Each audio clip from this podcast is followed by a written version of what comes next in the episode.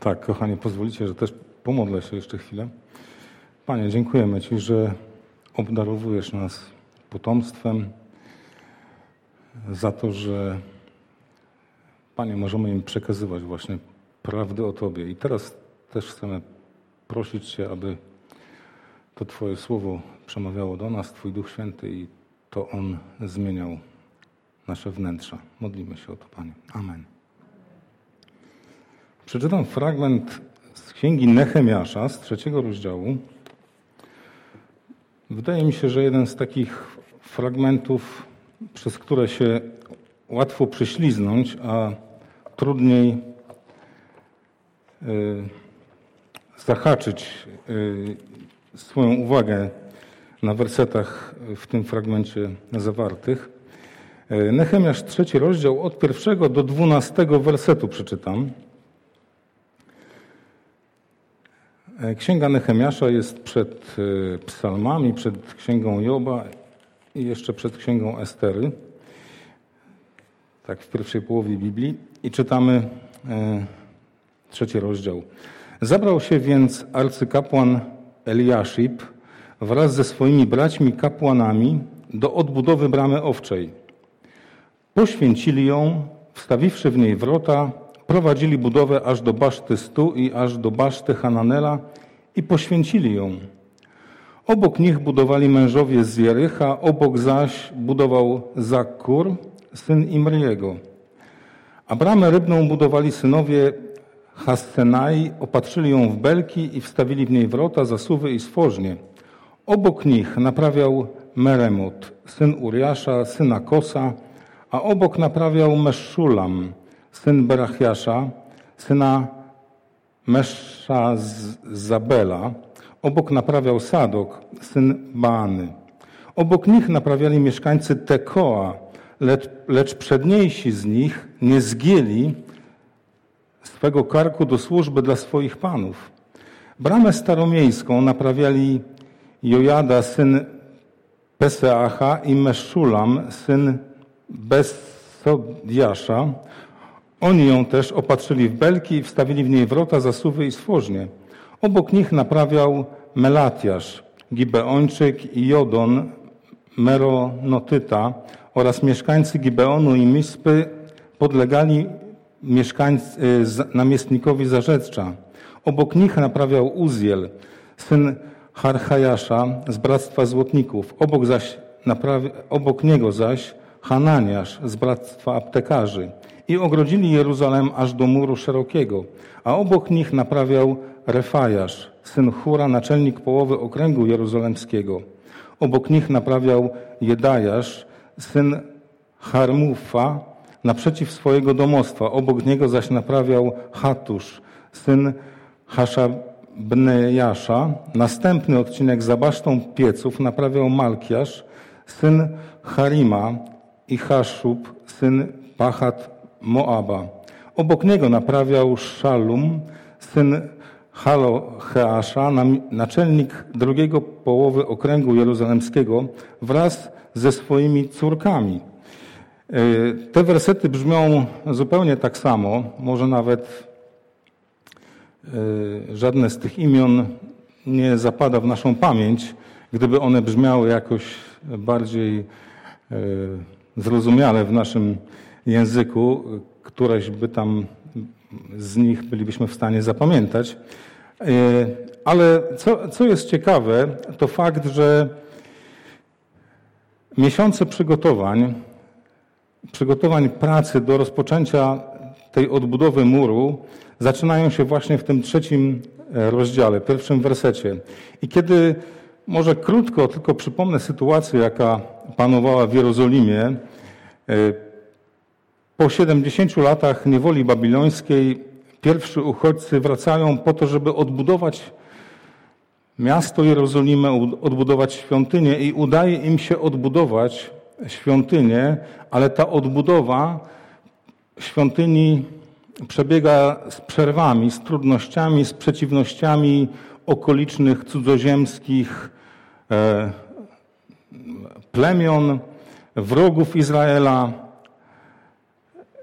Ta odbudowa Jerozo świątyni jerozolimskiej trwa prawie 20 lat od powrotu pierwszych repatriantów z, z Babilonu do Jerozolimy.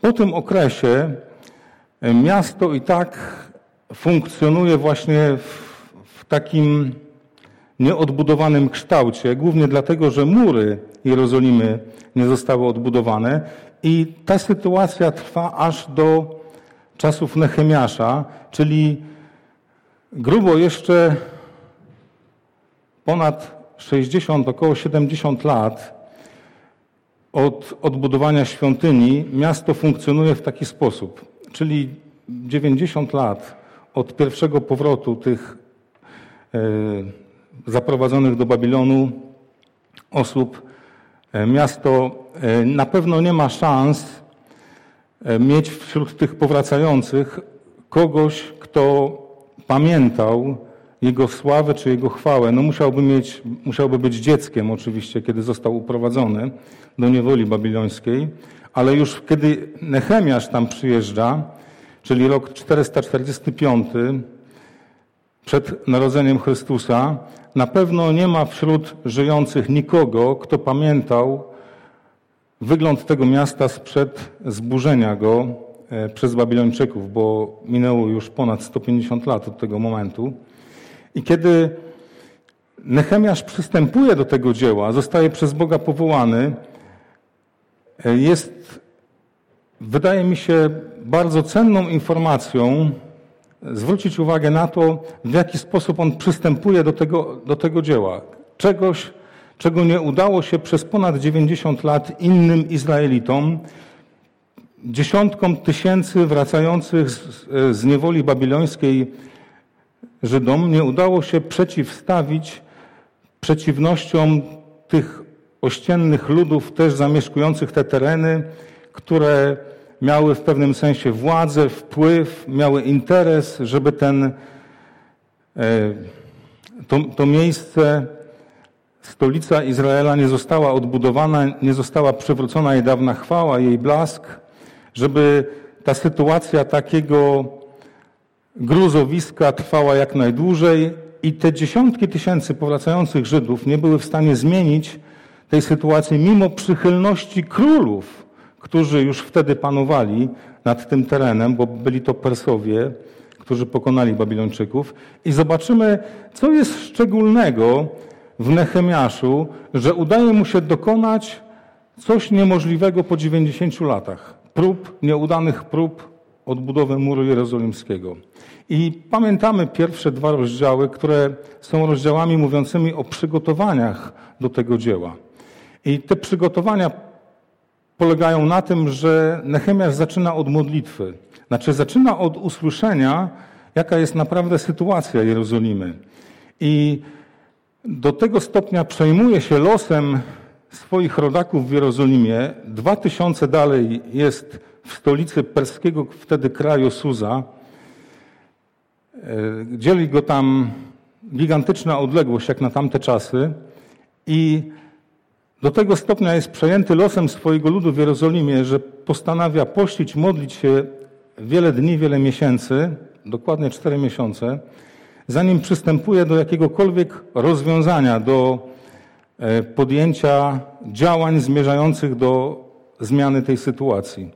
I wiemy, że będąc pod czaszem królewskim, czyli kimś, kto podawał królowi wino, czyli zaopatrywał dwór królewski w wino, na pewno nadzorował uprawę winogron, potem produkcję tego wina, składowanie tego wina, e, jakość tego produktu musiała być najwyższa. Był tym, który najpierw sam próbował to wino, które było podawane królowi, więc też pełnił rolę takiego szefa ochrony, bardzo zaufanego człowieka, obdarowanego najwyższym takim zaufaniem e, przez króla, przez dwór królewski był człowiekiem wysoko postawionym i wykorzystuje tą swoją pozycję w taki sposób, modląc się do Boga, żeby pobłogosławił plany, które jak w wierze Bóg włożył w jego serce i miały one przywrócić siłę czy e, chwałę tego miasta, które było najcenniejsze każdemu Izraelicie, czyli Jerozolimy.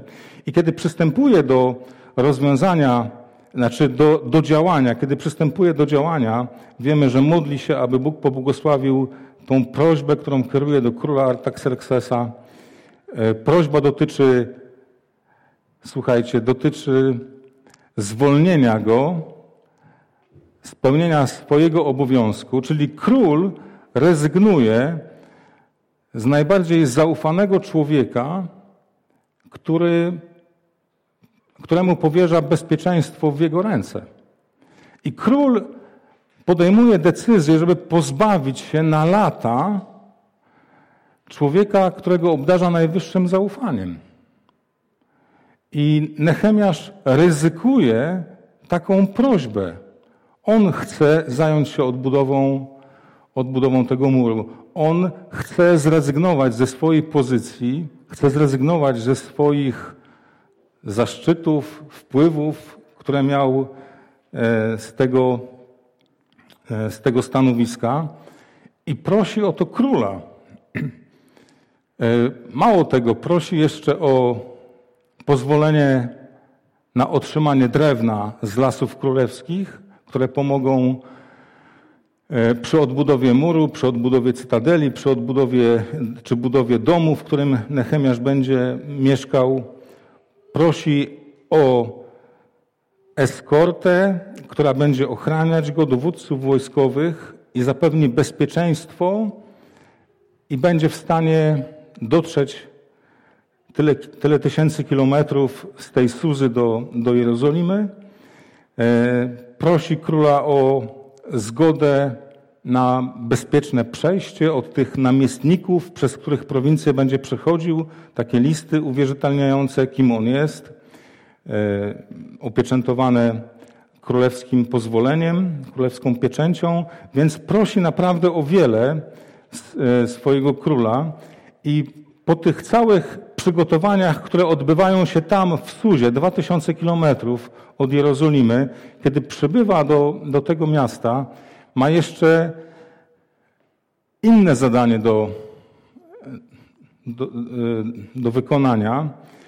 Musi pozyskać ludzi, którzy tam mieszkają, do celu, który nie udało im się zrealizować przez dziesiątki lat.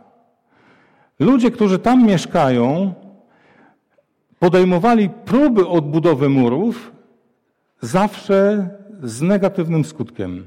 Zawsze powodowało to konflikty, napięcia, militarne jakieś y, nawet zagrożenia ze strony tych okolicznych narodów. Zawsze to powodowało y, ściąganie na siebie niebezpieczeństwa, ściąganie na siebie wrogości tych sąsiednich ludów. Zawsze to powodowało e, oskarżenia, które kierowano przeciwko nim, posyłano do króla, nazywając ich buntownikami przeciwko władzy królom perskim. E, oskarżano o rzeczy, które były nieprawdziwe, że chcą się uniezależnić od władzy królewskiej, że chcą e, doprowadzić do kolejnej okazji, która jakby przywróci władzę Jerozolimy w tym miejscu i będą oni kontrolować e, ten swój kraj właśnie w oderwaniu od, od Królestwa Perskiego. Wszystkie te oskarżenia, które spadały na Żydów mieszkających w Jerozolimie, powodowały, że kolejne próby odbudowy murów nie udawały się. I tuż przed Nehemiaszem, właściwie 13 lat wcześniej, przyjeżdża Ezdrasz, e, Boży człowiek, e, człowiek przepełniony chęcią przywrócenia. E, przede wszystkim czci Bogu, jest miłośnikiem Bożego prawa, odczytywania Bożego prawa, nauczania ludu izraelskiego Bożego prawa, ale też ma świadomość tego, że na funkcjonowanie świątyni nawet i samego miasta istotny wpływ ma odbudowa murów jerozolimskich, których on się podejmuje i też zostaje powstrzymywany od tego, od tego zadania. Przeciwności powstrzymują go na tyle, że ta odbudowa murów zostaje tylko podjęta, ale nie, niedokończona. I 13 lat mija i przyjeżdża Nechemiasz. I dlaczego jemu ma się udać? Skoro nikomu wcześniej nie udawało się.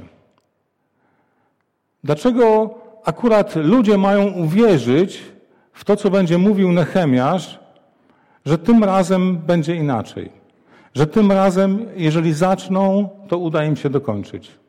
Na czym mogła polegać różnica między słowami, które wypowiadał Nehemiasz, a słowami, które słyszeli ludzie naście lat wcześniej, dziesiąt lat wcześniej, które słyszeli może ich dziadkowie, ich ojcowie, bracia, siostry, ktokolwiek tam wcześniej jakby podejmował się tego zadania i nie ukończył go, czy e, był przekonany, że jest to niemożliwe do zrobienia. Na czym polega ta różnica? Widzimy w Nehemiaszu postawę, która wydaje się, że jak żadna wcześniej e, postawa nie jest gotowa być tak blisko ludzi,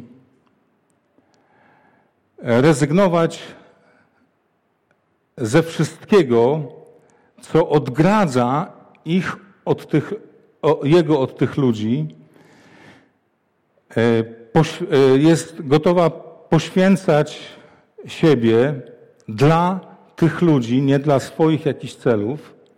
On zdobywa serce tych ludzi, utożsamiając się z ich losem, z ich winami, z ich pohańbieniem. On nigdy nie mówi wy.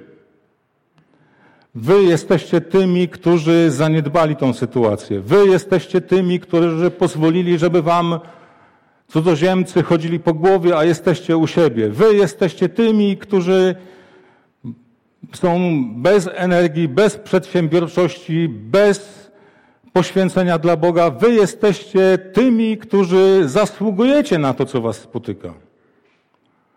On zawsze mówi, jesteśmy w pohańbieniu, jesteśmy w biedzie, jesteśmy winni tych grzechów, które Bóg wylał potem jakby karę na nas w konsekwencji tego, czego dokonaliśmy, on się identyfikuje z tymi ludźmi. On przez to pozyskuje ich dla siebie, że mówi: Jestem jednym z Was.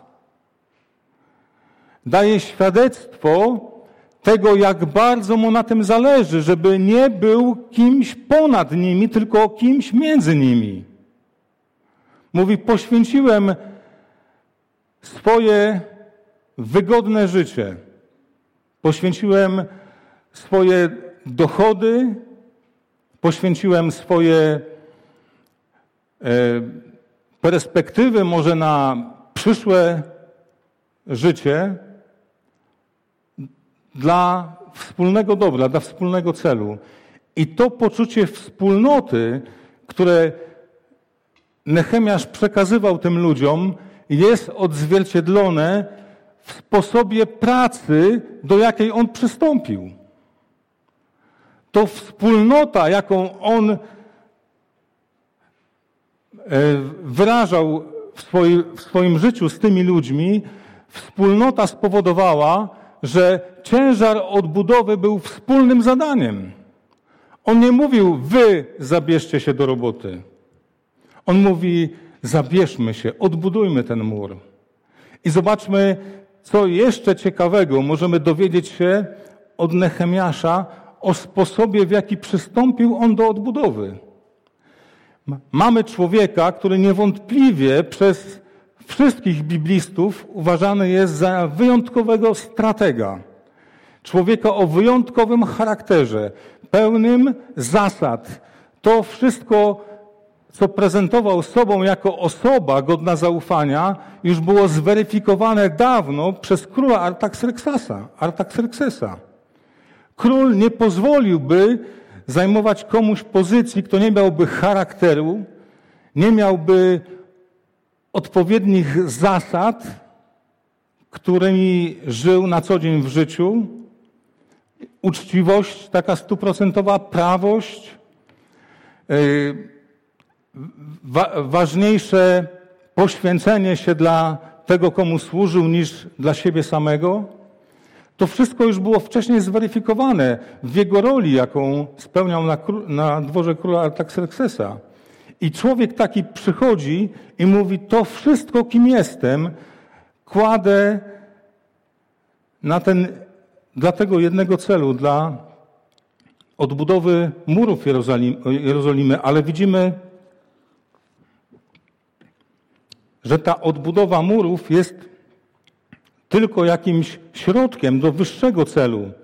On mówi, wcześniej już mówi, że to chodzi o Boże imię, że Boży lud wyrażał chwałę Bożego imienia. Przez Boży lud wyrażała się chwała Bożego imienia. I on mówił, jeżeli lud jest w takim pohańbieniu, to też w pohańbieniu jest Boże imię. I nie możemy jakby e, pozostać na, e, jakby na tym etapie, czy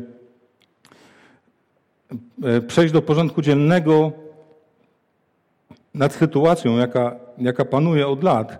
Mówi, Boże imię jest godne tego, żeby go uwielbiać i poświęcić siebie, swój czas, swoje stanowisko, swoje jakieś osobiste perspektywy dla Bożej chwały. I ten cel, widać, jest realizowany dokładnie w trzecim rozdziale Księgi Nehemiasza. Ten rozdział nazywany jest placem budowy. Placem budowy zawiera 30, 32 wersety.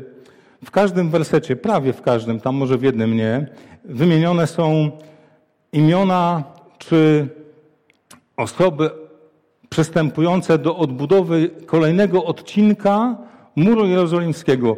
Mur w tym czasie miał długość między 2,5 a niecałe 3 kilometra. Nie było to zbyt wiele, ponieważ e, ta północna część to miała niecałe 500 metrów, potem około 2 kilometry w dół, tak trochę w takim nieregularnym trójkącie, gdzieś tam na dole zbiegały się te boki i w sumie to wszystko dawało jakieś 2,5, może niecałe 3 kilometra tego muru. On tam gdzieś był oczywiście po, powykręcany, w jakichś miejscach był prosty, w jakimś grubszy, w, jakichś, w jakimś cieńszy. Bram wymienionych jest 10 i bodajże 6 baszt, które były odbudowywane. E, gdybyśmy policzyli te imiona, które tam zostały wymienione przez, przez Nehemiasza, jest ich ponad 50, podzielonych na 42 grupy budujących e, tych właśnie no, te, te mm, grupy odbudowujących były, były 40, 42. I co jest fascynujące w tym, E, w tym sposobie realizacji tego zamysłu odbudowy murów, który nie udał się przez te 90 ponad lat. Fascynujące jest to, że Nehemiasz pozyskał do odbudowy ludzi o różnym statusie społecznym, o różnym e, pochodzeniu, o różnym wykształceniu i powiedzielibyśmy też e, pewnie różnych zasobach finansowych.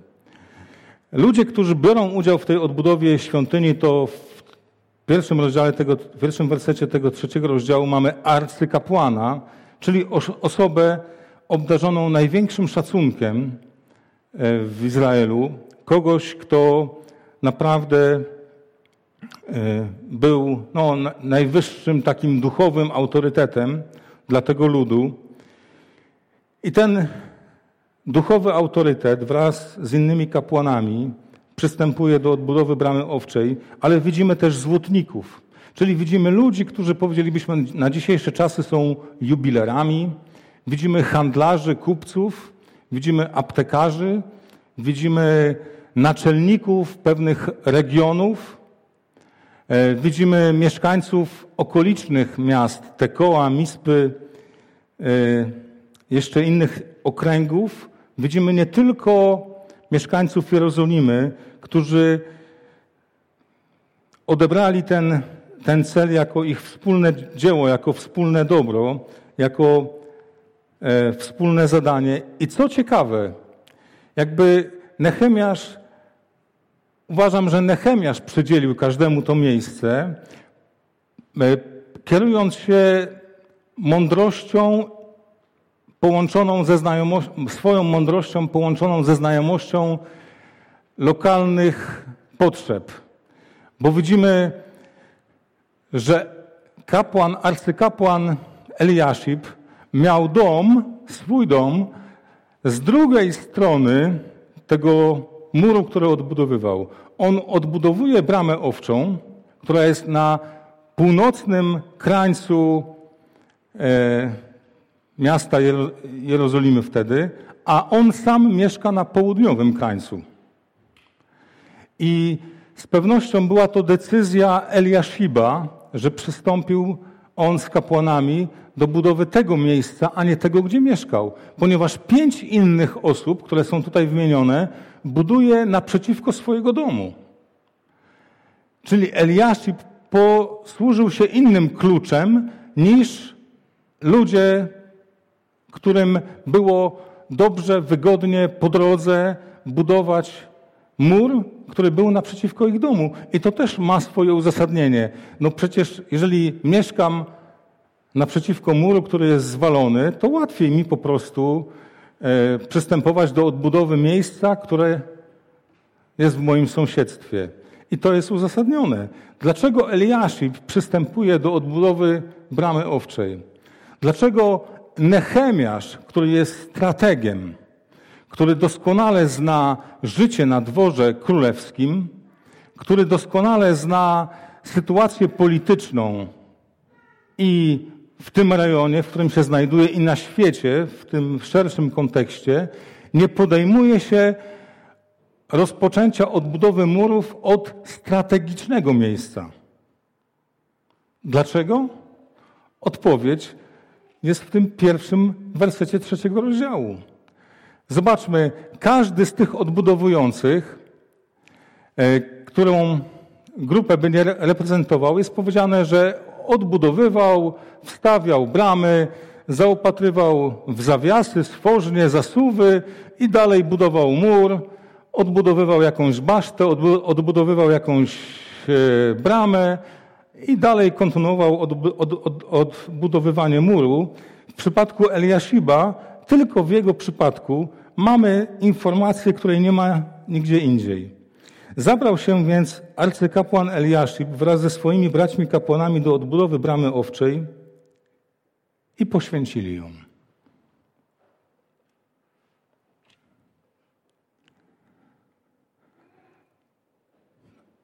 Poświęcili ją i wstawili potem wrota.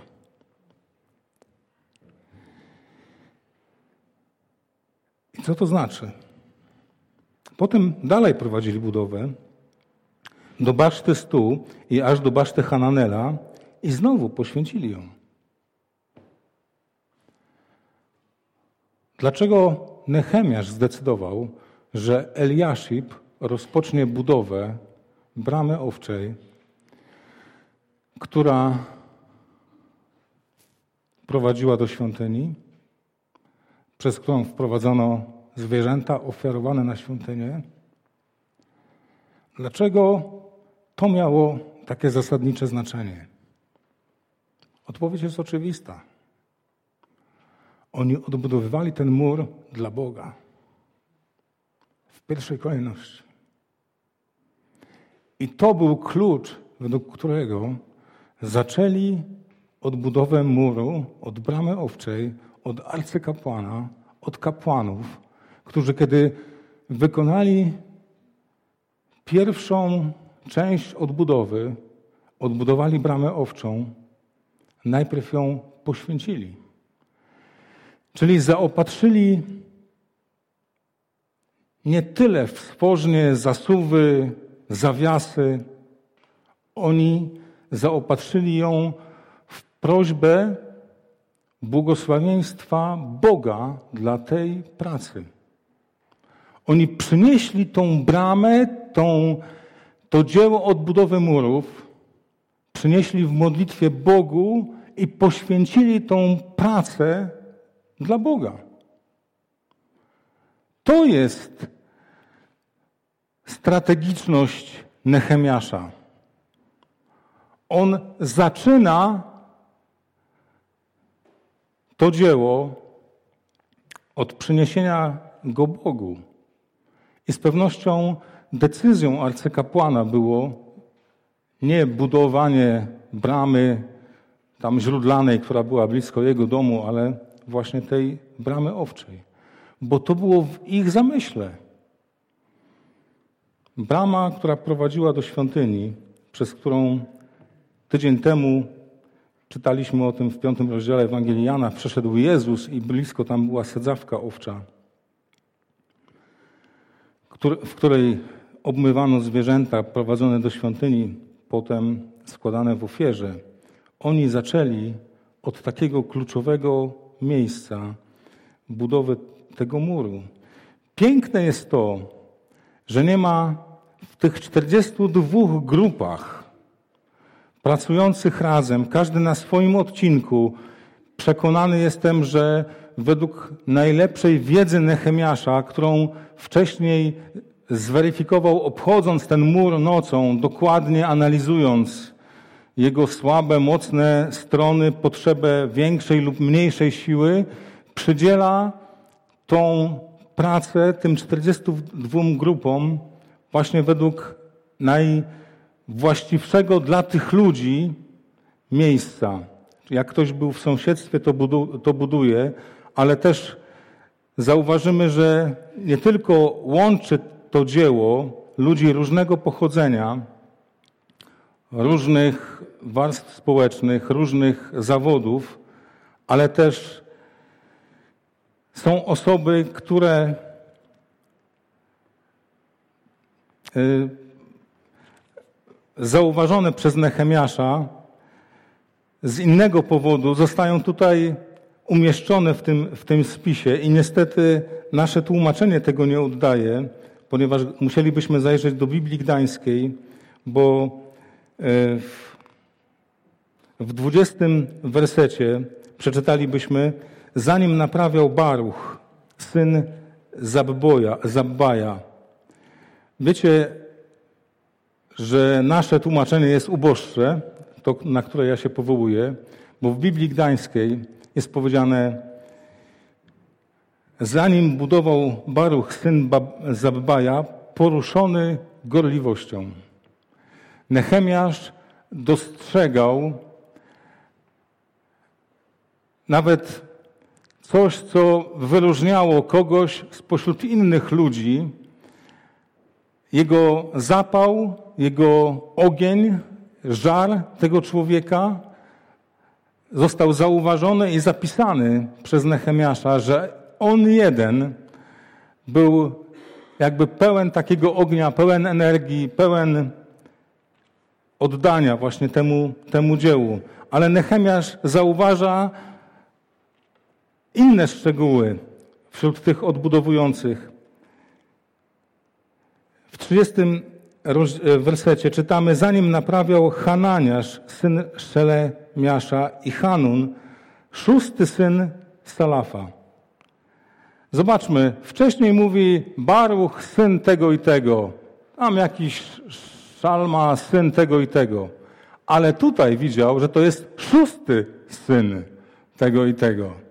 On nie był człowiekiem, któremu umykały szczegóły. Jeżeli on zapisał, że ten człowiek był szóstym synem, znaczy, że naprawdę posiadał wiedzę szczegółową o życiu tych ludzi i o tym, kim oni byli. Dalej, w tym 30 wersecie czytamy, że odcinek następny za nim naprawiał Meszulam, syn Berechiasza, naprzeciwko swojego pomieszczenia. Do tej pory czytaliśmy, że naprawiali ludzie naprzeciwko swojego domu. Ale tu jest użyte inne słowo oznaczające pomieszczenie, komnatę, pokój. Ten człowiek nawet nie miał domu. Miał tylko pokój. I Nehemiasz uwzględnił tą informację w opisie pracy tego człowieka. był kimś wyjątkowo skromnym. Był kimś e, może ubogim, kimś, kogo nie stać było na dom. Miał zaledwie pokój. I Nehemiasz uznał jego wkład w odbudowę murów, nie dyskwalifikował go z takiego czy z innego powodu. Doceniał jego zaangażowanie. I w całym tym procesie odbudowy widzimy, jak ogniwem połączone te grupy słowem obok. Zanim, obok, zanim, obok. I wiecie, że kiedy przeczyta się znaczenie słowa obok w języku hebrajskim, one oznacza rękę. E, to jest najbardziej podstawowe znaczenie tego słowa jad, które my mamy tłumaczone jako obok, ponieważ też oznacza ono właśnie takie, takie słowo. Ale to pierwsze znaczenie tego słowa oznacza rękę i gdybyśmy mieli tak w takim surowym sensie przetłumaczyć to, to byśmy powiedzieli ręka tego była tu, a za nim ręka tego. I po prostu e, aż się prosi powiedzieć, że można by to powiedzieć ręka w rękę. Pracowali razem. Oni współpracowali, a nie rywalizowali. I to jest sukces budowy czegoś wspólnie. Jeżeli ma miejsce współpraca, a nie rywalizacja, nie konkurencja. To jest coś, co udało się właśnie osiągnąć Nehemiaszowi. On ich zjednoczył dla celu.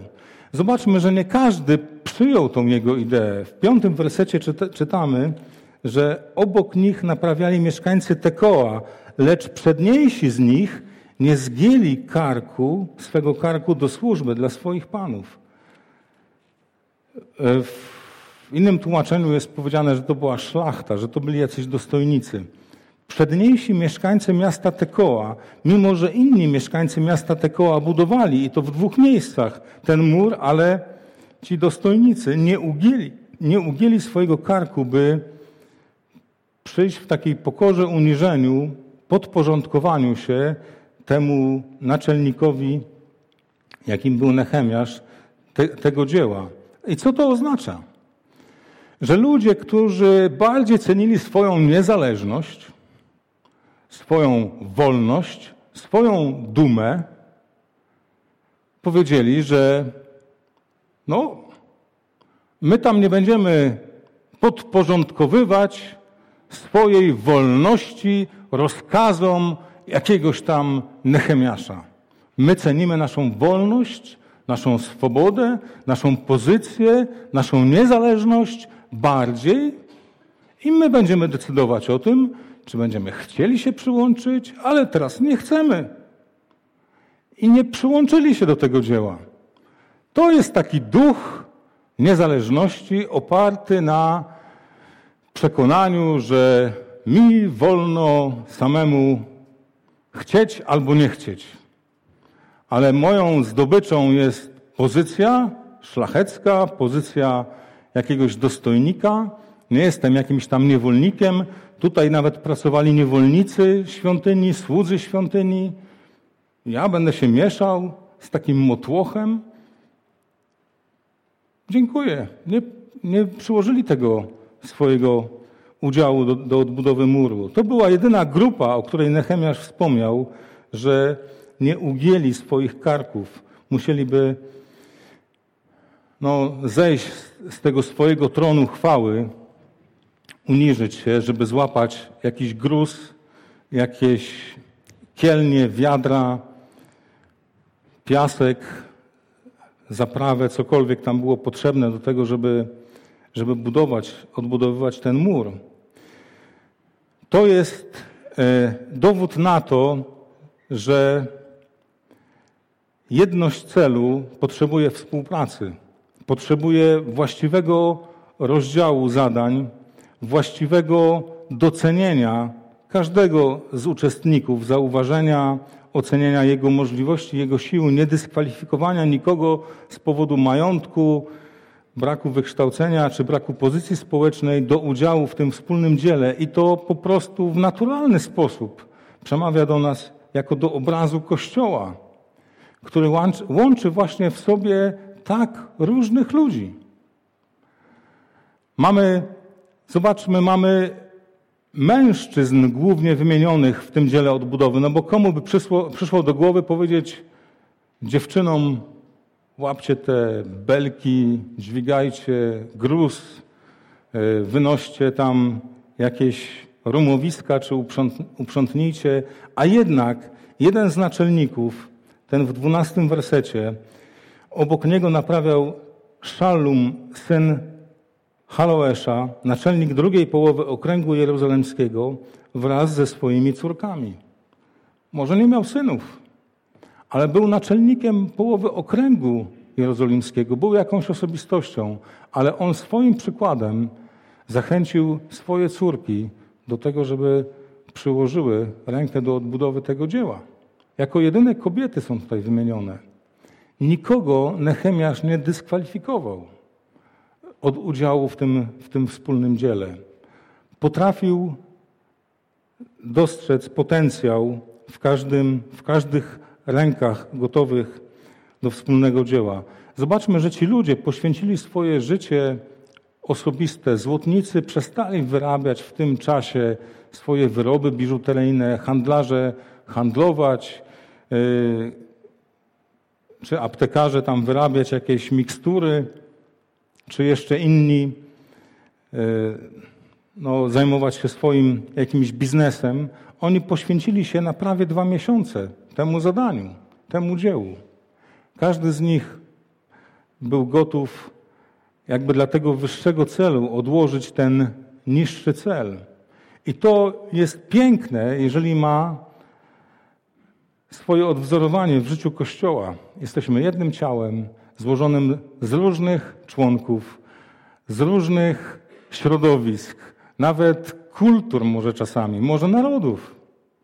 Jeżeli jesteśmy gotowi być połączeni tą jednością celu, o której mówi Paweł, apostoł Paweł w liście do Efezjan w czwartym rozdziale, mówi od jedenastego wersetu, że Bóg, e, Bóg powołał, czy ustanowił w Kościele jednych apostołami, drugich prorokami, trzecich ewangelistami, nauczycielami, duszpasterzami, po to, żeby przygotować świętych do budowania dzieła, którym jest ciało Chrystusa, do budowania we wzroście, w poznawaniu Jezusa Chrystusa, w utwierdzaniu w wierze. Kościół jest przyrównany do budowli. Ludzie zostali obdarowani różnymi darami po to, żeby je wykorzystywać dla wspólnego celu, dla wspólnej chwały. I zawsze ta wspólność jest tym spoiwem, wspólność celu, i wspólność służenia ręka obok ręki. Ciekawe jest też to, że te znaczenie tego słowa obok, te hebrajskie jad, w tym pierwszym znaczeniu oznacza rękę, ale co ciekawe, rękę otwartą, a nie zamkniętą. Na rękę zamkniętą jest inne słowo mówiące hebrajskie kaf. Tutaj mówimy o tym, że ta ręka była otwarta. Otwarta na współpracę, na pomoc sobie nawzajem, na budowanie wspólnego dzieła. Ona nie była zamknięta. To jest sposób, w jaki Bóg chce, żebyśmy patrzyli na Kościół. Czy mam rękę otwartą, by budować nie siebie, nie swoją służbę rywalizować z innymi. E, ważniejszą uważać moją tutaj pozycję, postawę godniejszą zaszczytu, troski, środków, zaangażowania ludzi, Czy jestem gotowy właśnie, tak jak Nechemiasz, tak jak ci współpracownicy przy odbudowie murów, uniżyć się dla wspólnego dobra, dla wspólnego dzieła? Czy jestem gotowy budować innych, nie siebie? Budować to dzieło, które Chrystus właśnie nazywa Kościołem, budowlą świętą. E, Piotr mówi w liście do, w pierwszym liście Piotra mówi, przystąpcie do Niego. 1 Piotra 2,4. Przystąpcie do Niego, do kamienia żywego, przez ludzi wprawdzie odrzuconego, lecz przez Boga wybranego jako kosztowny. Wy sami zaś budujcie się jako kamienie żywe w dom duchowy. Mówi, my jesteśmy, ludzie wierzący, są domem duchowym, składającymi się z, z duchowych, żywych kamieni, budujących jeden wspólny dom. Czy mamy taką postawę w sercu? Czy moje miejsce jest obok? Czy jest nad? Czy jestem ręka w rękę gotów wykonywać dla Boga wspólne dzieło? Czy ta ręka jest otwarta, czy jest zamknięta na innych? To, co przemawia do mnie najbardziej z, e, z tego trzeciego rozdziału, to właśnie powiedziałbym niesamowita zdolność łączenia się ludzi w jednym dziele. Nie pogardzania so, sobą nawzajem. Ci, którzy pogardzają innymi, jakby sami się dyskwalifikują z tego wspólnego dzieła. Sami się wykluczają z tego przyniesienia Bogu chwały w udziale w budowaniu tego dzieła.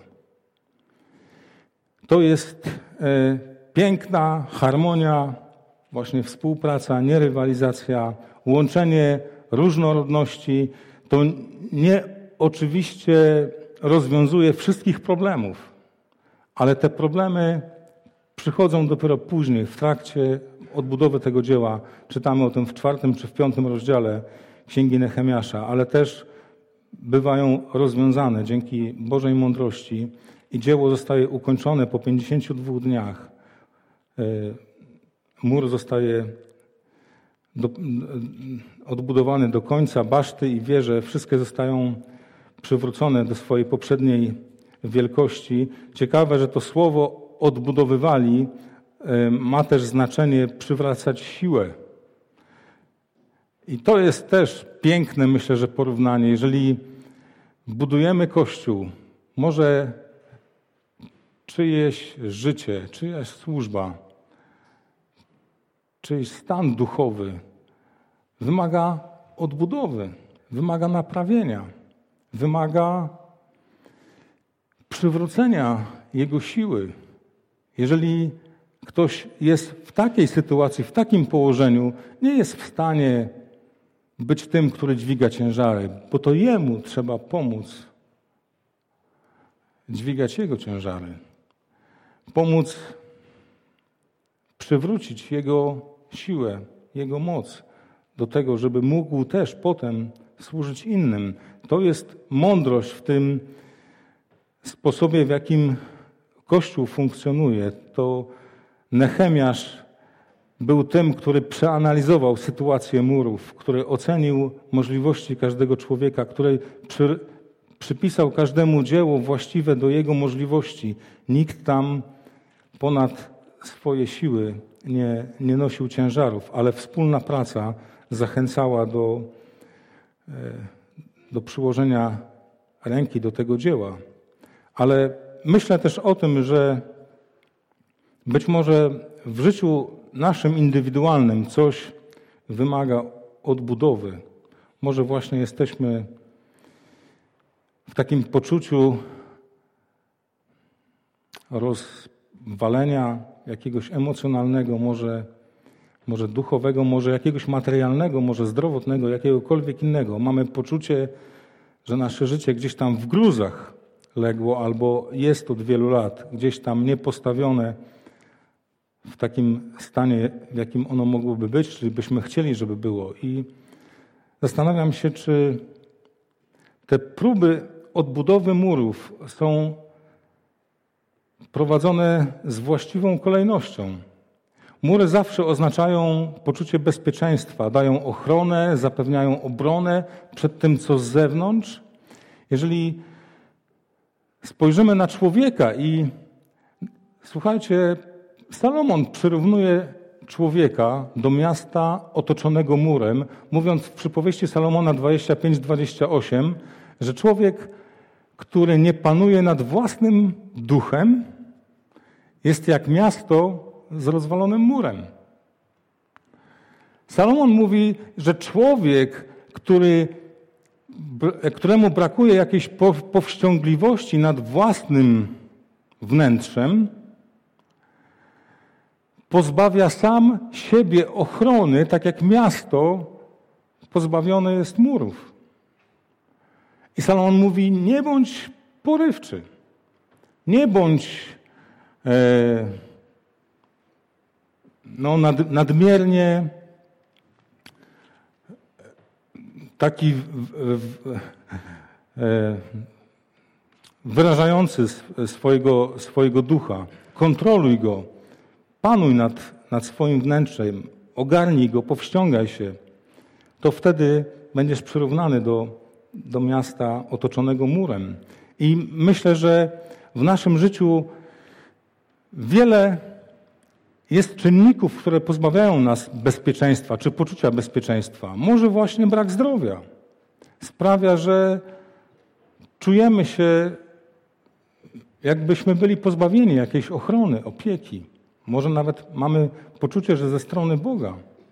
Może brakuje nam finansów i przez to nasza sytuacja jest tak niepewna, że czujemy się, jakby nasze życie było właśnie w niepewności.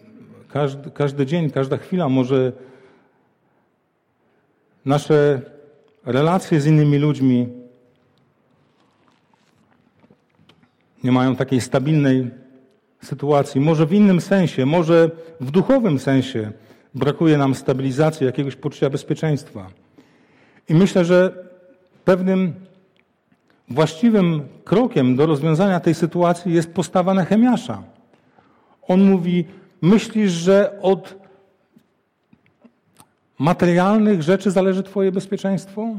Myślisz, że od zdrowia zależy Twoje poczucie stabilności w Twoim życiu? Myślisz, że od ilu innych czynników z zewnątrz zależy Twoje bezpieczeństwo, Twoja ochrona, Twoje przekonanie o tym, że jesteś stabilny? Jeżeli widzisz braki w tym czy w innym aspekcie swojego życia, mówi: zacznij od odbudowy relacji z Bogiem. Mówi: zacznij to odbudowywać, przynosząc to Bogu. Przynieś ten brak finansów, brak relacji, brak zdrowia. Przyjdź z tym do Boga i powiedz mu, że chcesz mu poświęcić to, że chcesz mu to oddać. Poświęcenie oznaczało modlitwę, ale też czytanie Bożego Słowa, wsłuchiwanie się w Boże Słowo, przyjmowanie tego Bożego przesłania do, do tej sytuacji, w której oni się znaleźli. To była modlitwa dwustronna i słowo skierowane do Boga, i słowo skierowane od Boga do, do ludzi. To jest sposób na zaczęcie zmian w swoim życiu, w tym aspekcie, które uważamy, że jest w gruzach. Przyjdźmy z tym do Boga. Nechemiasz zaczął od odbudowy bramy owczej, która prowadziła zwierzęta ofiarne do świątyni, po to, żeby uzyskać Boże przebaczenie, żeby lud mógł pojednać się z Bogiem. To był początek odbudowy wielkości miasta, wspaniałości miasta. Zacznijmy właśnie od takiej zmiany. Jeżeli nie mamy poczucia stabilności, zacznijmy od naszej więzi z Bogiem, od przyjścia do Niego w tej sytuacji, w tym stanie, w tej potrzebie, z tą właśnie może od lat istniejącą sytuacją niezmieniającą się, ale w takim przekonaniu, że potrzebujemy Boga, Jego błogosławieństwa, Jego opieki, Jego oddania się, oddania Mu tej sytuacji Jemu. To jest, myślę, że naj, naj, najcenniejsza rzecz, którą możemy się nauczyć właśnie od Nehemiasza w tym rozdziale. I myślę, że zróbmy to właśnie teraz. Po prostu przyjdźmy do Boga w modlitwie. Przynieśmy Mu, czy w głośnej, czy w cichej modlitwie, ale to, co chcielibyśmy, żeby uległo zmianie w naszym życiu, żeby zostało odmienione, odbudowane, czy przebudowane. Zachęcam do tego, abyśmy powstali